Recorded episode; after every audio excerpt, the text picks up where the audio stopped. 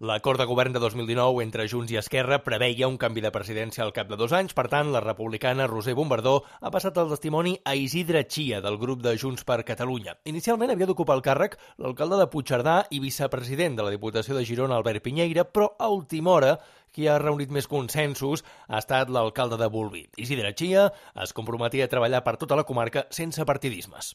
Seguirem treballant per la nostra comarca com fins ara, fent equip i sense mirar colors de partit el Consell Comarcal és un ens comarcal molt necessari per a la unitat de la nostra comarca. Per cert, un altre Consell Comarcal que viu moments convulsos és el del Solsonès. El president interí, que ja substituïa un altre president en funcions, ha renunciat al càrrec. Ara la plaça queda vacant fins al pròxim ple previst pel setembre.